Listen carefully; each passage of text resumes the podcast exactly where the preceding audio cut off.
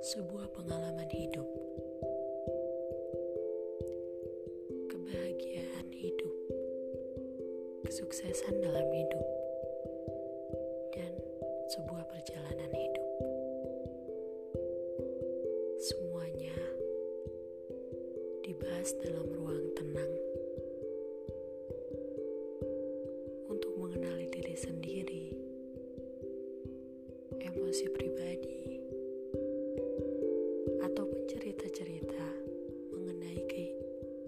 sebuah makna dari kehidupan.